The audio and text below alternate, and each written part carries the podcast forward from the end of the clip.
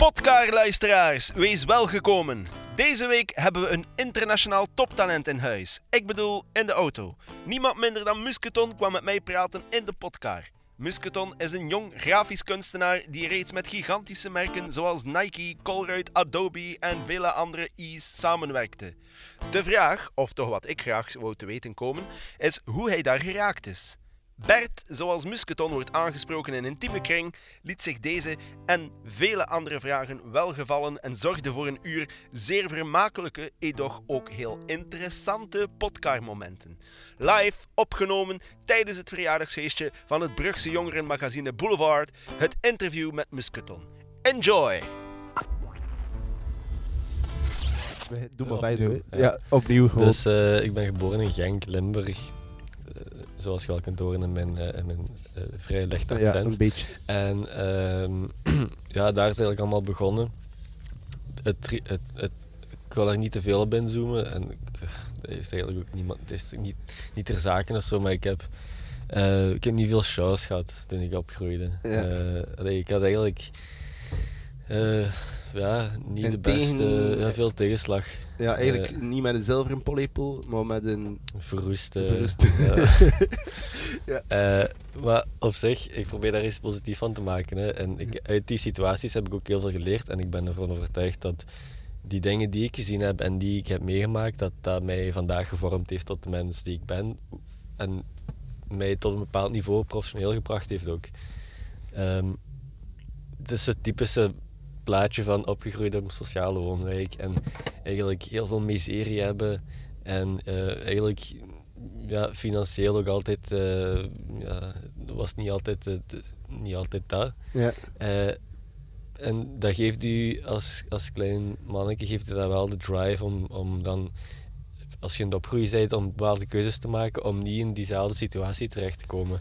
En ik denk dat dat mij vooral heel hard gepusht heeft de persoon die ik vandaag ben.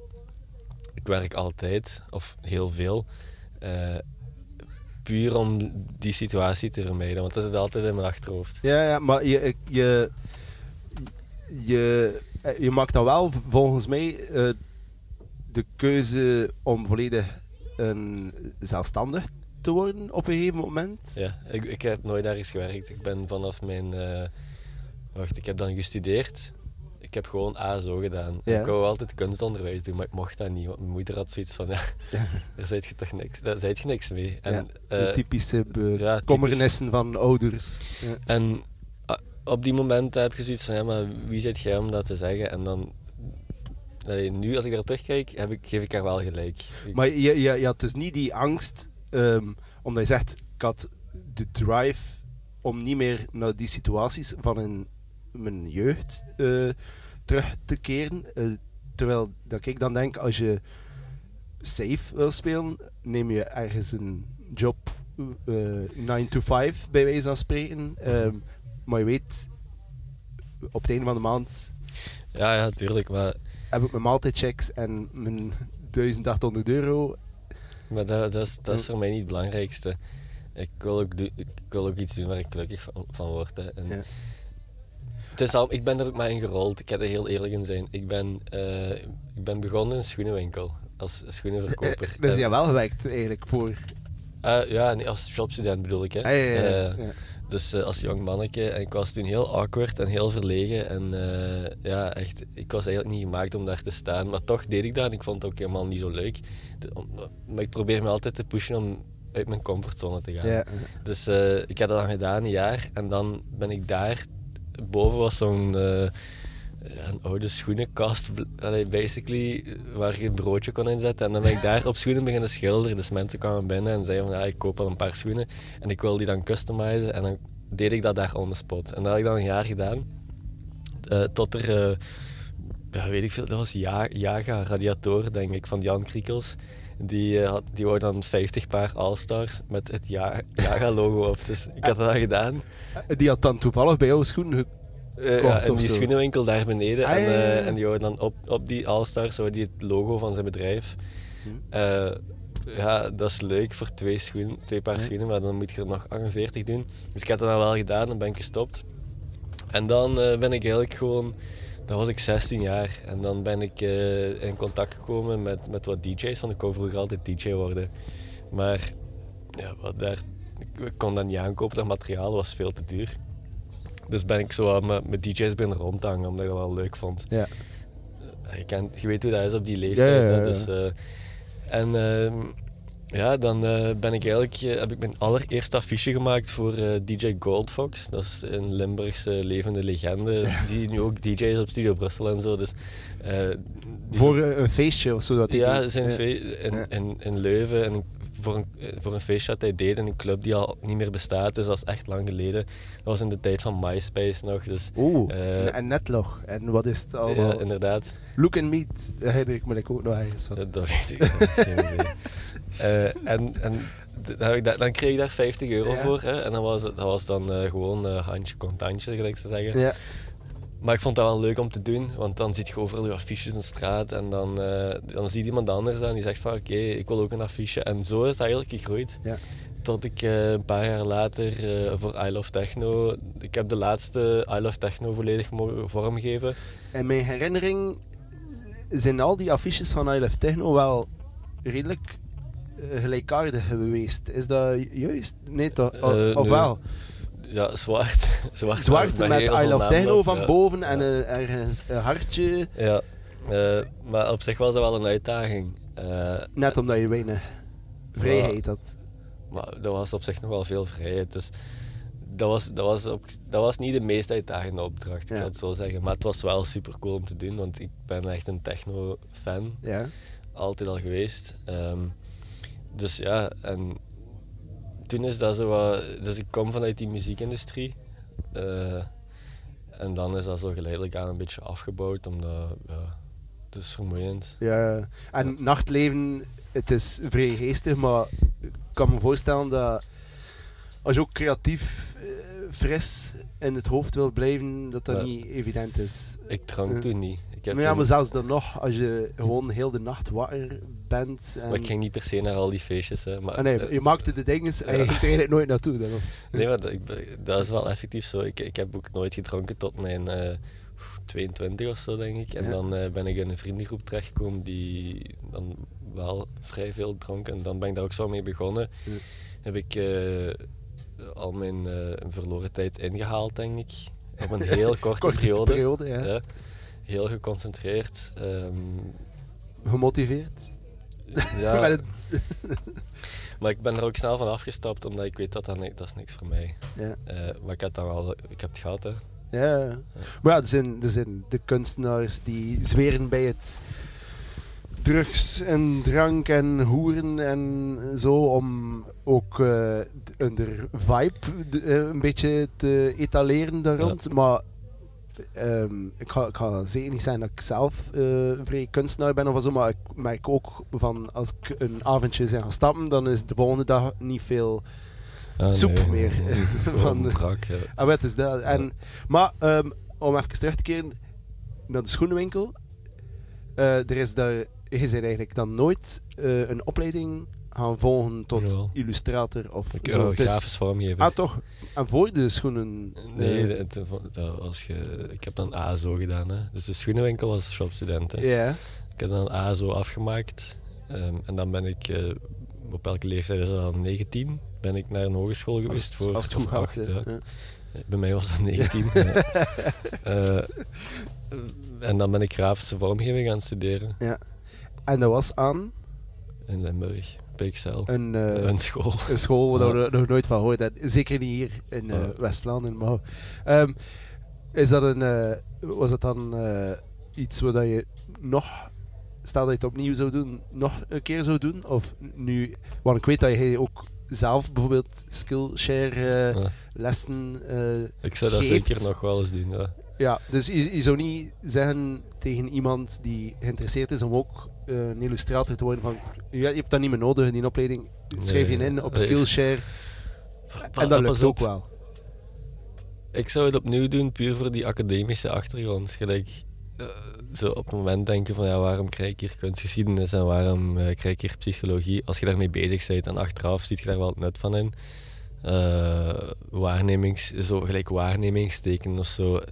Ja, je kunt dat wel allemaal online leren. Hè. Je kunt alles online leren, maar het is ook zo het sociale aspect, denk ik, van gewoon naar School, school, gaan en- en, vrienden maken. Ja, ja, eh, en, studen- ja. en medestudenten hebben en elkaar kunnen inspireren en, Ja. en, en zo. Maar Eh, ik zou dat zeker wel eh, iemand aanraden, ja, absoluut. Eh, Maar dat is, dat is ook een super persoonlijke keuze. Hè. ja, Allee. maar Maar ik zou het super arrogant vinden om hier te zitten en te zeggen van ja, je moet dat niet doen. Want misschien zijn, zijn er mensen luisteren die dan zoiets hebben van ja, maar eh, die gast heeft gezegd van dat ik het ook niet moet doen. ja, En dan ben ik het geweest. Dus allee, ik wil- nee, ik versta het, maar eh, moest je het gewoon heel puur zo, zo nuchter en zo zakelijk mogelijk eh, bekijken, zou je kunnen zeggen van als je de technische know-how wil leren van, ik zeg maar wat, het programma Illustrator, Mhm. hoef je niet eerst een academische Nee, opleiding te volgen. Nee. Je zou dat even goed kunnen doen maar ik heb, online. je krijgt de basis. Hè. Ik heb Illustrator geleerd van 12-jarige jongetjes op YouTube met een donsnor die tutorials Ja. maken. hè. Allee, en ik vind dat ook zo wat hypocriet, omdat dat je, weet ik veel wat een hogeschool kost, dat kost ook wel geld, dat je daar inschrijft en dat je verwacht dat mensen je dan die pakketten gaan aanleren, zo stap per stap. Je kunt alles online vinden, dus ja, ik vind dat wel bullshit. Maar gelijk, het gaat niet, dat vind ik niet het belangrijkste. Je leert er ook denken in concepten en Mhm. je leert een beetje nadenken over jezelf, wat ook niet onbelangrijk is. Ja, wat, wat je zou kunnen argumenteren, eenmaal dat je in de wijde wereld trekt en je, je, je, je job of je, je passie uitoefent, dat je Mhm. die ervaring ook opdoet, maar misschien te laat dan. Ik snap je vraag. Ik weet Ah, maar ja, je omdat je zegt, als je die, die, eh, die academische opleiding, hè, Ja. eh, dat ook de achtergrond en hetgeen wat er allemaal bij hoort en rondhangt, dat je Mhm. die ervaring daarop doet en dat je dat niet zou hebben, bijvoorbeeld als je YouTube-tutorials volgt. Terwijl, ehm, dacht ik dan dat dat misschien op zich ook zou komen als je gewoon je, je, volgt die, je, je doet die YouTube-toestand, je leert daar wat dat je moet leren om je ding te kunnen doen, Mhm. om je visie, je, je, hetgeen wat je wil maken, te kunnen maken. En eenmaal dat je dat dan begint te doen en dat je in de wijde wereld je, je ding doet, eh, eh, dat je misschien ook die ervaring opdoet. Absoluut. Ja. Ik ken jonge gasten die 2 miljoen YouTube-subscribers hebben en allee, die totaal niet met grafische vormgeving zijn bezig geweest. Dus het is gewoon een kwestie van eh, op de juiste plaats zijn, eh, Mm. heel hard werken, want dat, dat mag ik zeker niet onderschatten, het werk dat erin gestoken wordt. Allee, je kunt dat niet voor hetzelfde geld gaat je een grafische opleiding doen met dat idee van ik wil 2 miljoen Yous- YouTube-subscribers en een heel plan uitgewerkt en het, het lukt niet. Ja, Eh, je kunt dat Het niet. is de foute Ja, instelling natuurlijk. dus ik ook denk om je moet gewoon met passie met iets bezig zijn en ehm, dan komt dat wel vanzelf. En vanzelf dan spreek ik ook over minstens vijf jaar gewoon heel hard werken Ja. en doorbijten. En eh, onlosmakelijk verbonden met eh, dat hard werken en ehm, doorbijten ehm, is het, het moment dat je dan eigenlijk je werk moet kunnen tentoonstellen. Ehm, of dat je het naar het publiek moet kunnen brengen. En Mhm. Volgens mij eh, is dat nu toch een, een stuk gemakkelijker met sociale media. Maar wat, wat, hoe is jouw relatie met, met eh, sociale media? En om, of, of, of via, om, hoe dat je via die kanalen je werk naar buiten brengt? Is dat, is dat pro of eerder ambetant? Of, Dat is een vergiftigd geschenk, ja. eh, social media. Ik ben zeker pro, absoluut, want anders kan ik niet doen wat ik vandaag doe. Ik denk heel veel mensen zouden niet kunnen doen wat ze vandaag doen. Like al die influencers. Ja, die- ja, ja. kunnen niet meer influencen als er geen social media is. Eh, maar ik ben absoluut pro, maar ook een- soms een beetje ja, contra. Maar dan weet ik niet zo goed waarom, maar ik weet wel dat ik het ben. Eh, om, ik, ik ken mezelf, ik zal mijn eigen situatie ja, dat is absoluut de bedoeling. Dus ik steek daar belachelijk veel tijd in. Ja. Ik, ik, enerzijds werk ik voor klanten en ik zet daar eigenlijk geen klantenwerk meer op, om- omdat ik dat, dat social media echt puur als ik persoonlijk zie, mijn eigen persoonlijke werk. Ehm, dus ik steek daar heel veel tijd in, misschien te veel tijd. omdat het ook gewoon verslavend is. Ja. Zo, eh, je hebt daar allemaal theorieën over, hè, dopamine en zo, van Ja. likes. Ehm, Denk je dat zo minder moesten? Want ze spelen er ook mee, Twitter en Instagram, om of, ofwel het af te schaffen, de likes, of het systeem te veranderen. Denk je nog altijd zo intensief ermee bezig zou zijn? Moest dat afgeschaft worden, bijvoorbeeld, de likes? maar ik vind het een slecht idee, überhaupt. Ik, vind, allee, ik zou het niet doen. En waarom? Dan stort alles. in. Dan is het pandemonium. Nee, maar ehm, ik ben nu niet meer zeker, maar volgens mij was het het idee van dat je de likes nog krijgt, maar Ja. dat het niet meer zichtbaar is voor de maar, anderen of zo. en dat, dat helemaal op, op zich maakt me dat niks uit. Ik ben daar op zich niet zoveel mee bezig, maar... Ik maar je hebt het dat wel nodig, hè, want je, als je nu een klant hebt, Ah, zeg maar wat. Maar eh, dat is het spelletje ah, maar ja. tegenwoordig. hè. Er zijn veel meer Ja. mensen die veel beter zijn in illustreren dan ik bijvoorbeeld, die maar duizend likes of weet ik veel volgers hebben. Maar die worden, die worden dan in de wind gezet door iemand die mee een hoger cijfertje heeft. En dat Mhm. vind ik wel belachelijk. En bij mij is het ook maar gegroeid. Hè. Ik ben daar ook al zes of zeven jaar mee bezig met Instagram. En, en ik blijf daar gewoon content op posten die ik leuk vind. En dat groeit wel. Eh, maar dat is niet mijn main goal geweest. Weet je. Ik, ik wil ook gewoon een goede illustrator zijn. ja. Maar je eh, steekt er wel ook het werk in. Hè. Ja. Het, is, het is uren ermee bezig zijn, gelijk dat je zelf zegt. Ook, ehm dat, dat komt niet vanzelf. Nee. Dus je, je kan je dan ook mo- moeilijk eh, schuldig voelen, denk ik, tegenover iemand die zogezegd een betere illustrator zou zijn, maar die er Maar niks voel- mee doet. Eh, Ik voel me niet schuldig hoor. Ah, nee, nou, wel, ça va, hè, maar- Ehm, maar dus, ehm, na ehm, je... maar doe, doe eerst nog maar verder, die, de sociale media. Mhm. Je, de, de pro Ik ben, eh, helemaal. Ik maar, ben, eh, ik ben heel pro Instagram bijvoorbeeld. Dat vind ik Ja. een geweldig platform voor mij persoonlijk. Eh, wat heb je dan nog? Facebook, daar heb ik al lang links laten liggen. Omdat ik heb daar een fanpage waar ik heel veel werk in heb gestoken. Of heel veel tijd en moeite. Ehm, om de berekening makkelijk te maken, ik heb daar 20.000 eh, fans. hè. en ik dan iets post, ja, eh, ja, drie likes of zo. En dan krijg je een half uur erachter van Facebook zo'n pop-up van hey, als je nu promoot of geld erin steekt, dan kun je misschien je volledige bereik halen. Ja, dat vind ik echt, dat, dat vind ik echt dikke bullshit. Ja. Heb je dat dan een keer geprobeerd, of niet? Ik heb dat één keer geprobeerd en ik voelde me achteraf echt gewoon een, echt een dikke loser. zo van, waarom, als je daar één keer mee begint en je ziet dat dat werkt, ja. En ik wil ook zeker weer niet te negatief zijn. Ik denk dat dat voor andere me- mensen of vooral grote merken heel nuttig kan zijn. Hè? Dat je dan daar geld in steekt en echt campagnes doet. Maar voor mij als illustrator, om daar zo...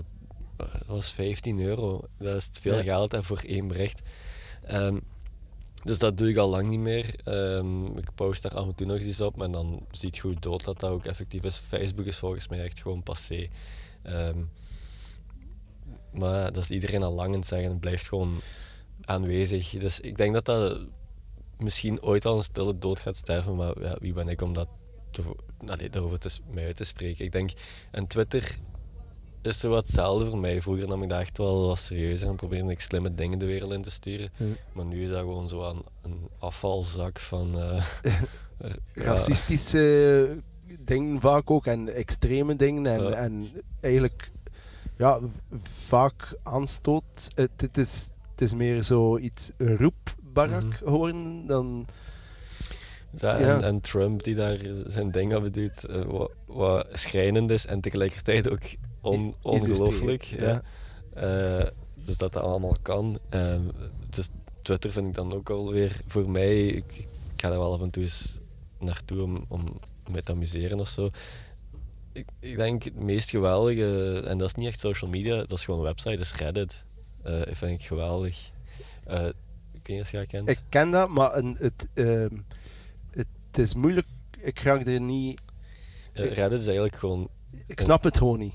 Ja. de, het noemt de homepage of, of the internet. Ja. En eh, hoe ik ervaren is het eigenlijk gewoon een forum. Gelijk, gelijk in, in de 90s of in de jaren Ja. 2000 had je heel veel fora met allemaal specifieke onderwerpen.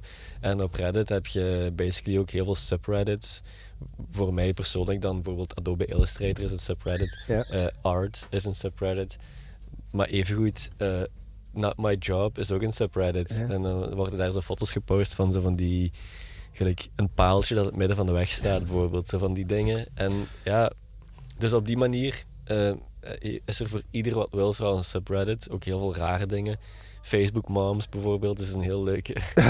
Wat Eh, is dat? ja, zo van die typische... uh, die moeder op Oh, ja, Facebook. ja, ja, ja, mijn ma ja, kan er ook mee. Het is Ja. Dus dat wordt dan daar gedeeld. Oh. Eh, maar het leuke daaraan is, eh, is het organisch bereik. Er is geen dom algoritme dat zegt van dit is wel goed en dit is niet goed. Dat wordt met upvotes bepaald door effectief mensen. Ah ja. Ehm, dus als ik daar iets post in de illustratie, wordt dat ofwel geupvote ofwel gedownvote. Eh, hoe meer upvotes, ja, hoe meer visibiliteit. Dus op één, denk op één avond of zo, of in één nacht, eh, heb ik daar zo'n foto, een foto gepost, had dat like 500.000 effectieve views. En op Facebook, als je, als je dat daar probeert te doen, dat gaat je nooit lukken. Nee. Dus dat is gewoon het organische en het, het effectief menselijke is daar nog aanwezig. En daar vind ik, ben ik gewoon... Dat is ook gewoon het eerlijkst, vind ik. En wat was die foto? Als Eh, dat was een illustratie, hè. Ah, ja. Dus, eh, ehm, dus ja. Maar en, ehm, ehm, het, is niet, het is niet dus dat je daar op Reddit meer zit om inspiratie op te doen. Je, je bent echt ook bezig met daar eh, werk te posten. Ja, en, maar dat, dan, met mijn beperkte kennis ervan, eh, aangezien dat het een forum is, neem ik aan dat je dan een soort subreddit gemaakt hebt, die Musketon. Nee? Nee ik, ik ben daar ook totaal niet mee bezig. Ik post gewoon in de subreddits die relevant zijn. Ah, ja, ja, ja. Illustrator, Ja. art, eh, drawings, whatever. En je hebt daar ook geen profiel of zo, denk ik. Eh, en mensen volgen je ook niet of zo. Dus, en er wordt ook niet doorgelinkt naar Instagram, bijvoorbeeld. Dat is gewoon puur daar. En als je zelf promo doet, ja, dan, dan worden je berichten wel verwijderd ook. Dus het is gewoon echt puur voor de fun. Ah, ja. En Dus Eh, je had er ook niet jobs binnenhalen per se. eh, jawel, want mensen sturen altijd berichten van eh, ik heb die illustratie gezien, kunt je...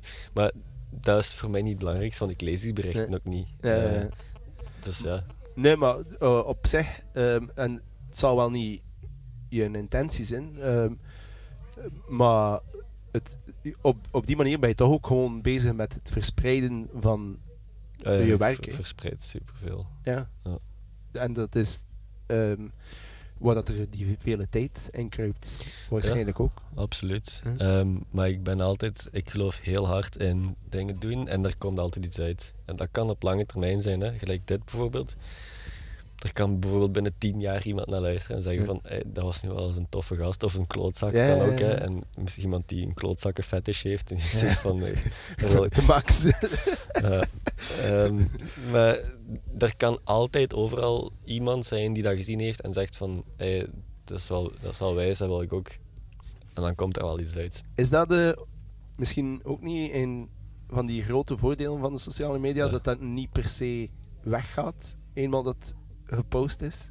Als je het niet zelf weghaalt, dat dat inderdaad binnen vijf jaar... Ja, ja, Nog kan opgepikt worden. Je weet dat Ja. nooit, hè. Kan die een of andere dude of Ja. zo een, een screenshot genomen hebben.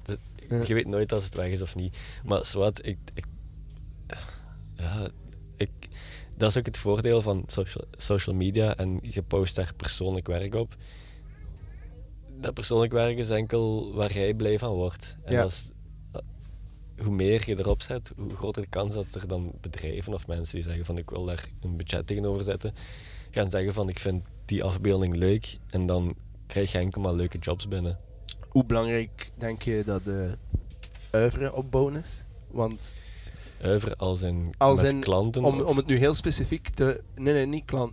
Specifiek eh, wil ik bijvoorbeeld aan de hand van een, een Mhm. Dus de, eh, ik zeg maar wat, de Musketon Instagram-pagina. Stel dat je één gigantisch populaire post hebt.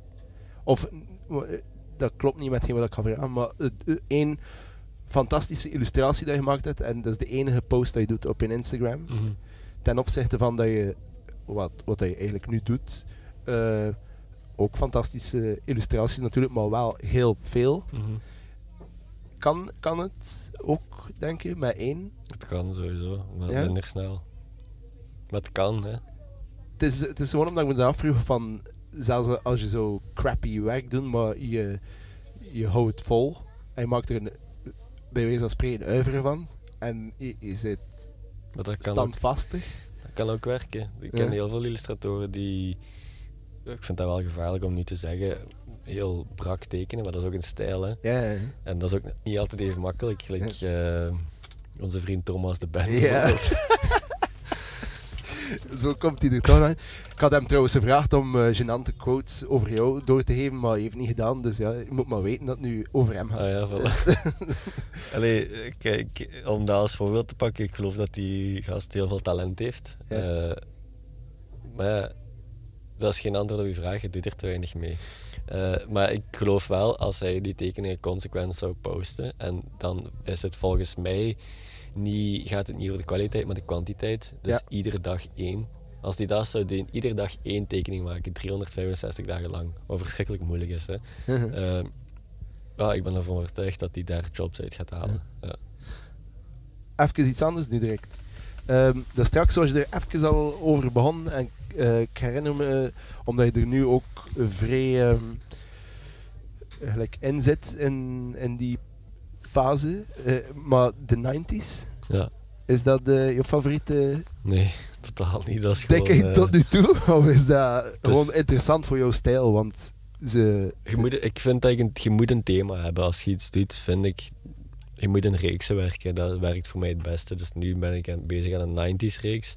En wat ik doe is, ik eh, transformeer moderne technologie of dingen die in ons leven aanwezig zijn, zoals Pornhub bijvoorbeeld. Hoe ziet dat eruit zien in de, in de 90s?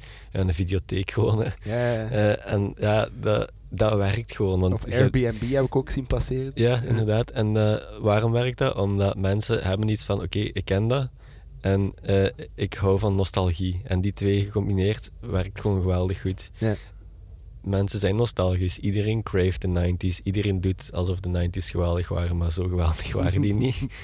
Eh, Hij had nog geen Twitter met Trump op. nee, bijvoorbeeld. voilà. Dus eh, om een of andere reden zit, is iedereen daar naar aan het craven en worden er I Love the 90s feestjes in ieder dorp gegeven. Dus dat werkt gewoon. En ik probeer die dingen gewoon te combineren uit ja, gemak of zo. Maar omdat ik ook op je eigen website dan zag staan bij je contact of bio, wat was het, ehm, dat je je eigen stijl omschrijft als zeer kleurrijk en ehm, uitspattend en, en zo. En daarmee dacht ik dat de link met de 90s, waarin dat, dat, dat toch ook wel wat eh, naar voren kwam, zo dat daarom was en dat je, dat, dat eigenlijk in het algemeen constant eh, een, een 90s eh, interesse was bij jou, maar dat is dus niet het geval. Ik, weet, dat niet. Ik ben echt geen 90s connoisseur of zo. Ja, ja, ja, ja, zelf geen nostalgie per se naar de 90s. eh, er zijn al een aantal leuke dingen van gelijk Boy Meets World of zo. geweldig. Friends. Friends was ook goed. FC de kampioenen.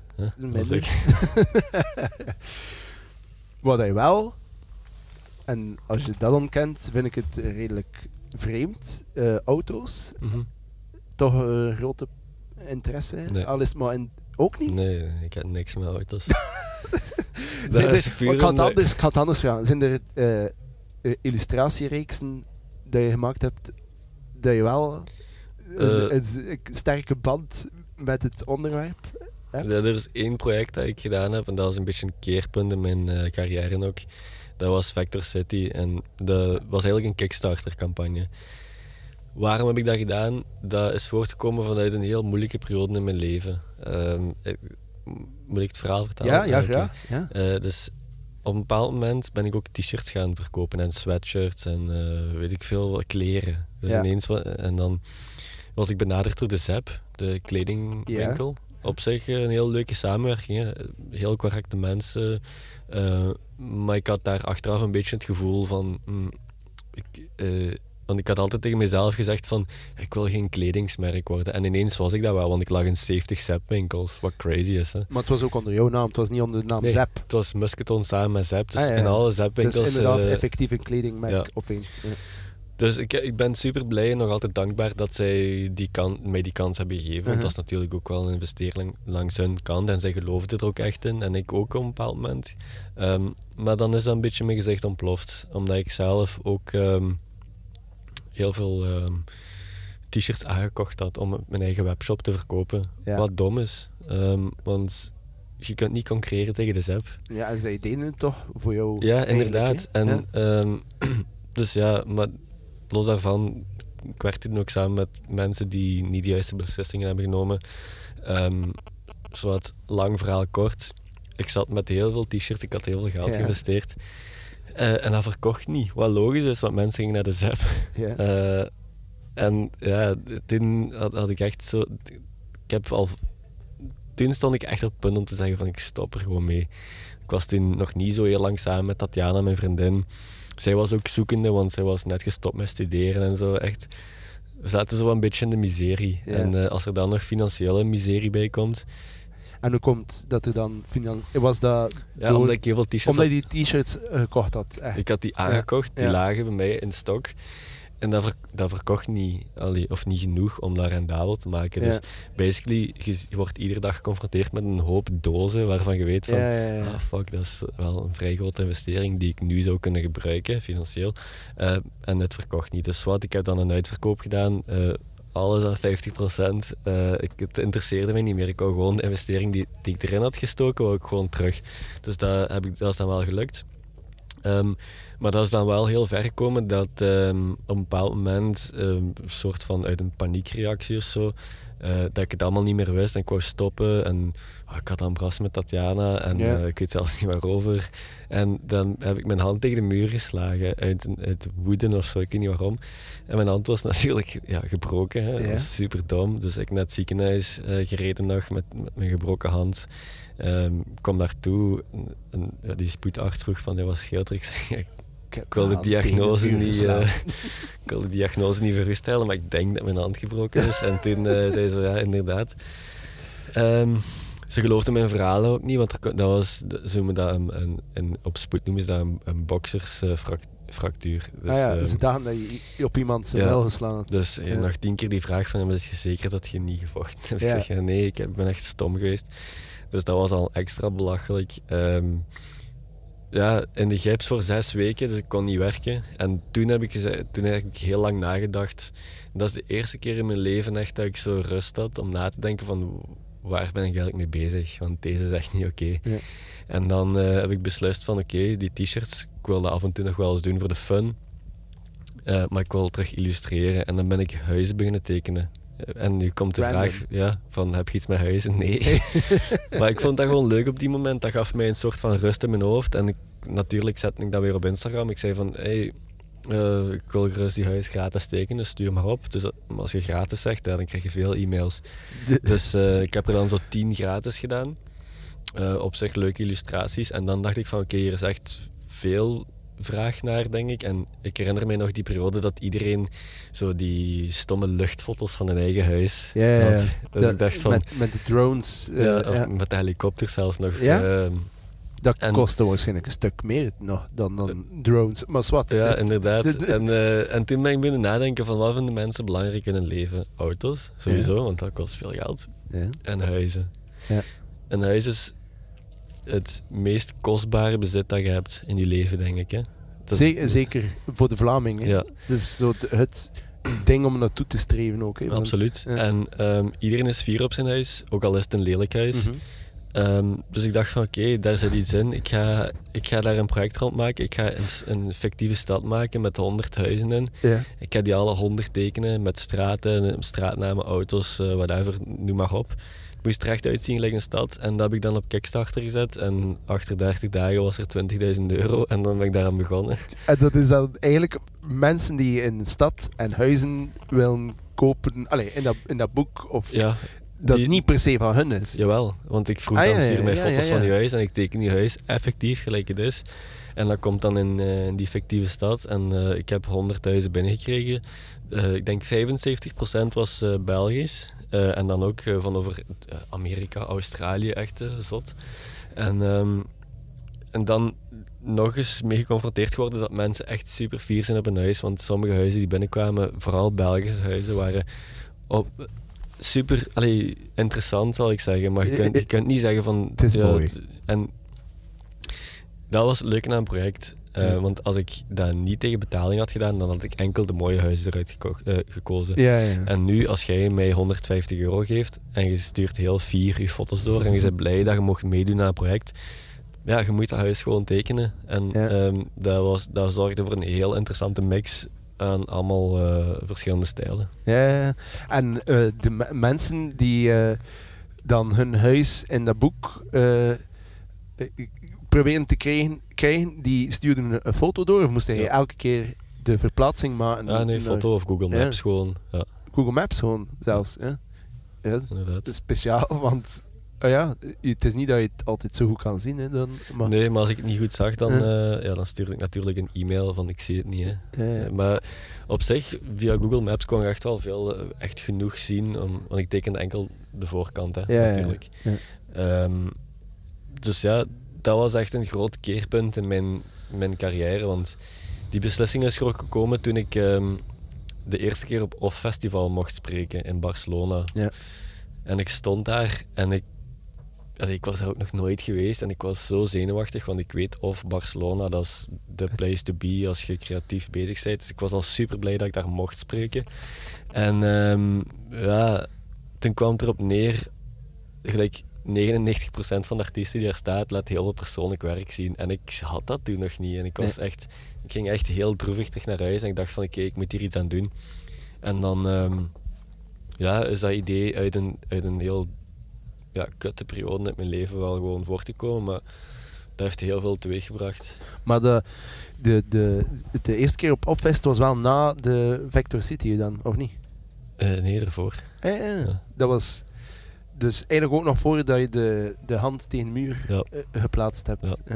Maar ik heb dat verhaal ook achteraf naar Nathalie gestuurd van af. En ik ook gewoon hun bedankt eigenlijk van, ik- van dat ze mijn ogen hebben geopend eigenlijk van met enkel client work of zo werk voor klanten. Ja, nobody cares. Weet Ja, ja. Het gaat over wie je bent als artiest. hè.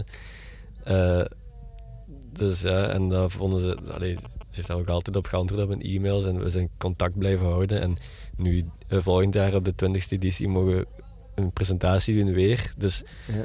allee, soms moet je een paar keer met je gezicht tegen de, tegen de grond gaan, denk ik, Ja. om dingen te leren.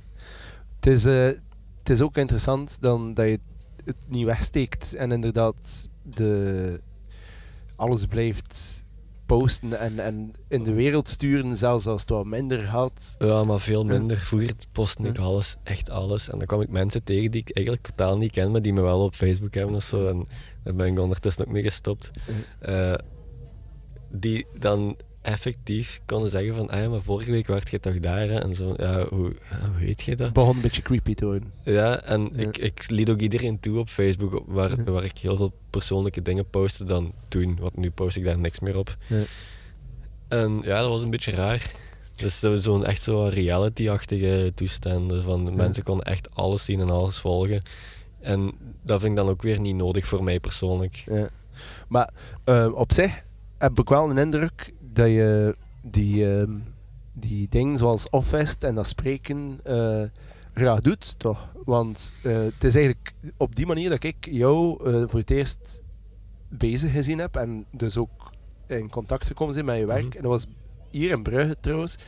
Ehm, in een, ehm, ik weet niet meer hoe dat precies noemde, maar het was aan de Republiek. En dan kwam hij een presentatie doen. Ja, dat weet ik nog. En dat was Ik enorm veel Ik slides. doe dat op zich niet graag. Nee? Eh, ik heb dat nooit graag gedaan, maar ik kom dan weer bij hetzelfde principe van waar we het juist over hadden, social media. Ja.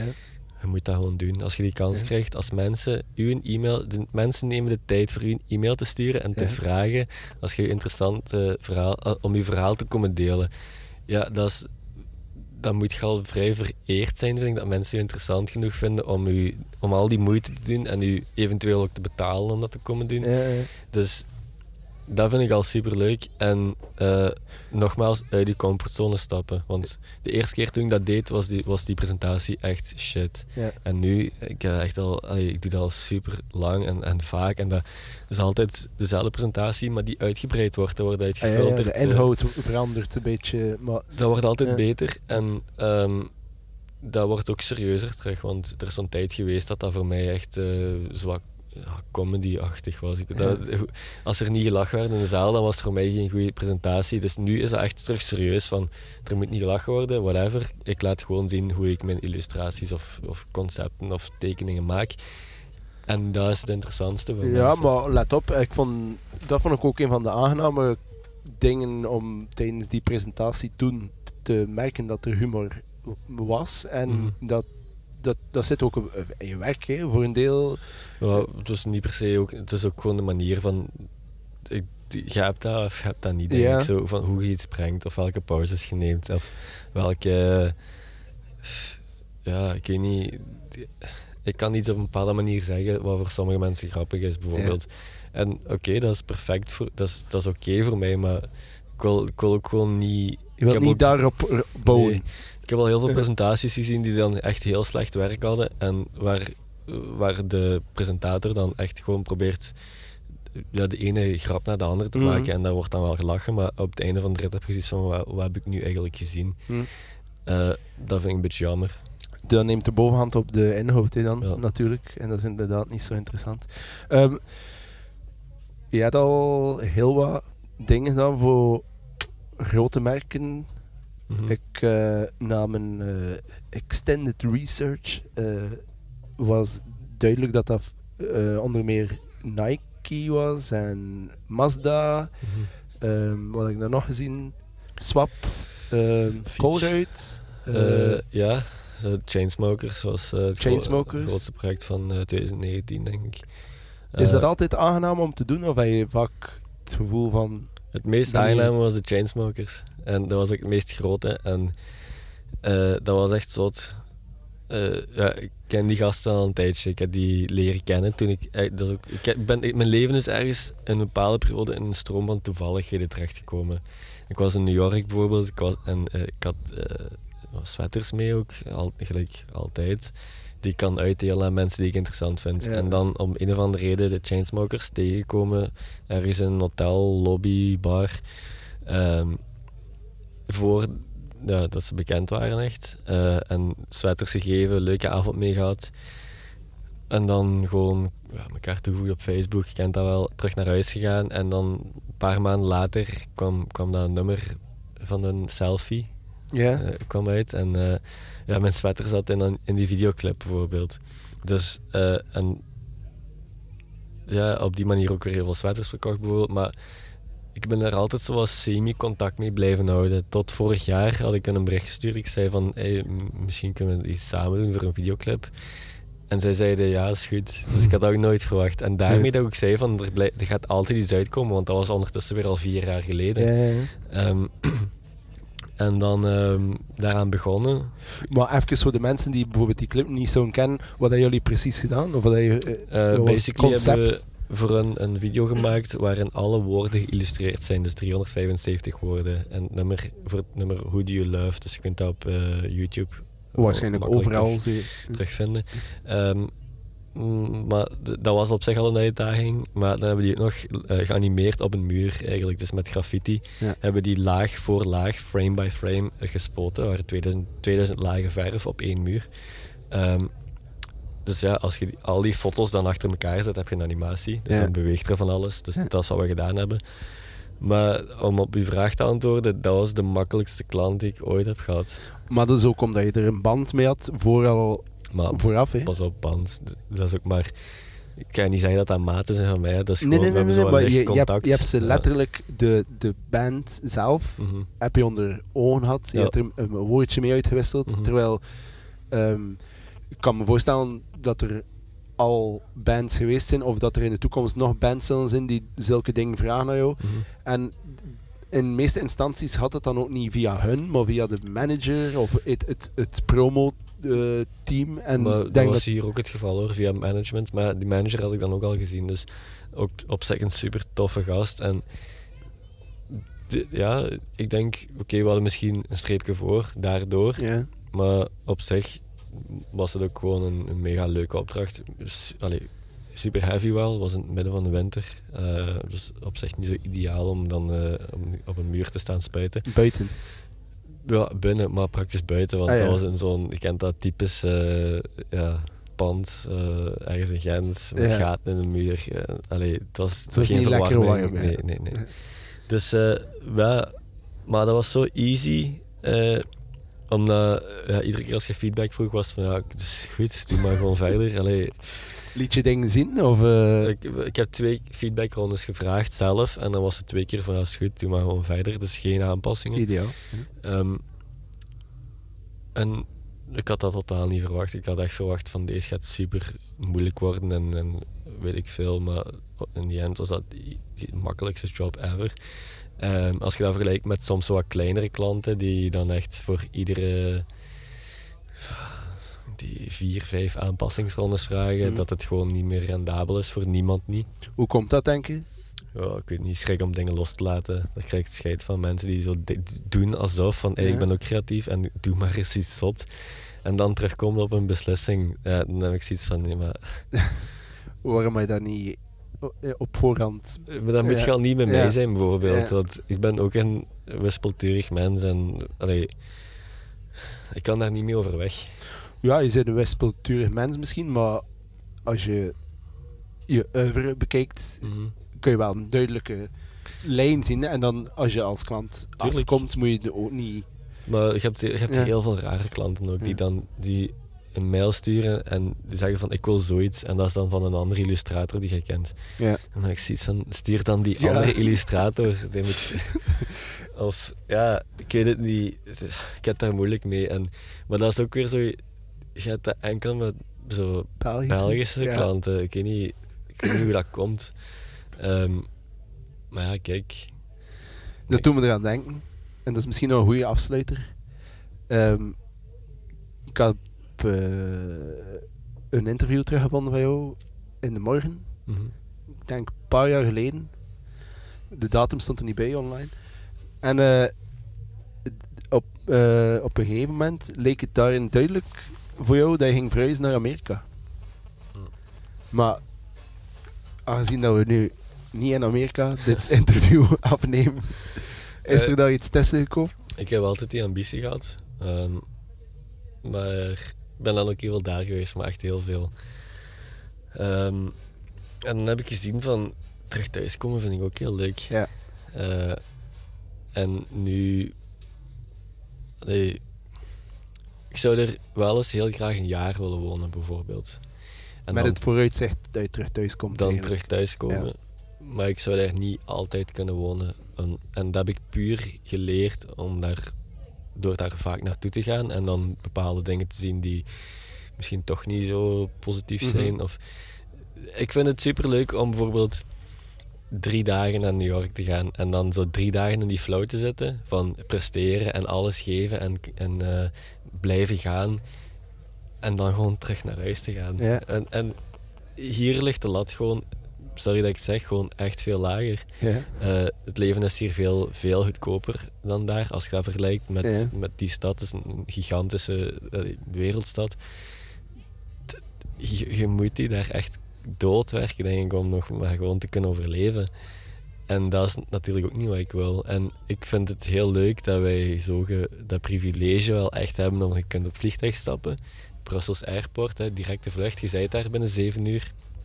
Je doet die ding daar en gaat terug naar huis. Ja, ja. Ja, niet veel men- dat, dat is ook wel niet veel mensen dat gegeven natuurlijk. Hè. Maar iedereen, je maakt dat zo duur als je zelf wilt. Als ik dat doe, ga ik super low budget. Gelijk, als je nu een vlucht boekt naar New York, als je chance hebt, zet je daar voor 280 euro heen en terug. hè. Zeker, ja. Het is, Eh, het is een beetje op het belachelijke af soms, hè, de Ja. prijzen. eigenlijk. Dus je moet gewoon weten wanneer je gaat. Ja. En, eh, Oké, je gaat ook niet op een hotel, je gaat bij vrienden op de zetel slapen of je gaat een Airbnb. En je moet daar ook niet iedere dag fancy gaan eten. Je gaat daar one dollar slices. Je kan altijd pizza eten. Dat is wat Gert... Ik had Gert meegenomen, dus die heeft enkel pizza gegeten. Eh, dus ja, allee, mensen denken altijd van, maar dat is toch allemaal zo duur en, en dat hoeft niet zo duur te zijn. Je maakt dat echt. En om op je vraag te antwoorden, ik denk dat ik dat al gedaan heb eigenlijk, maar ik vind het gewoon leuk om terug te kunnen thuiskomen en, Ja. en eh, ik ben wel fan van België eigenlijk. Dus een jaar eventueel nog, Ja. maar de definitieve verhuis zal er niet in zitten.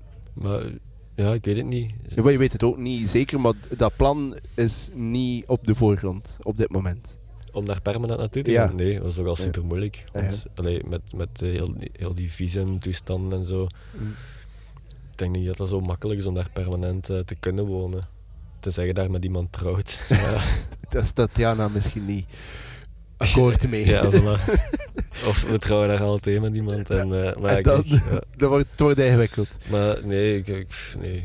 En ik ben ook nog nooit naar Azië geweest bijvoorbeeld. Ik ben echt al twintig keer naar daar geweest en nog nooit naar Azië. En dan vind ik dat je niet de beslissing dan al kunt nemen. Ja, maar ik dacht ook dat in jouw geval vooral interessant was voor je werk. Ja, maar heel veel mensen zeggen dan ook tegen mij van Azië is ook mega interessant voor je werk. Waarom weet ik niet, hè. Ja, ja, ja. En ik, ik- pas op, ik wil er echt super graag eens naartoe gaan, maar het, de, ik weet niet als het mij zo gaat aantrekken, maar je kunt dat niet weten als je nog nooit geweest Hmm. bent. En op zich, inderdaad, het is niet dat je. Dat het, dat je er is geen taal hè, in, per se in je werk. Het is een visueel iets. En, Maar zo Azië is ook weer een heel, een heel apart verhaal. Nu, nu is dat wel een beetje bereikbaar met, met bijvoorbeeld TikTok. ja, eh, wat ook, ik ook weer niet snap. wat ook weer heel apart is. Ja. Eh, maar dat, ze hebben daar alles. eh, voor, voor- ze hebben daar geen eh, WhatsApp, ze hebben daar WeChat. en WeChat is eigenlijk alles in één. Dat moet je maar eens opzoeken, dat is echt belachelijk. Eh, internetbankieren is ook in WeChat. Eh, Facebook zit ook in WeChat. En dat is eh, overheidsgecontroleerd ja, waarschijnlijk. Ja. Ja, dat is gewoon een mafcultuur. Ja. Eh, en dat bedoel ik niet negatief, hè, maar ja, ik, ik zou er gewoon wel eens graag naartoe willen gaan. En, maar ik, ik vrees ervoor dat ik daar bijvoorbeeld een jaar zou willen wonen. Alright. Kijk, Bert Musketon, merci voor je komst naar de podcast. En Ja. eh, nog veel succes met alles. Dank u wel. Salut. Yo.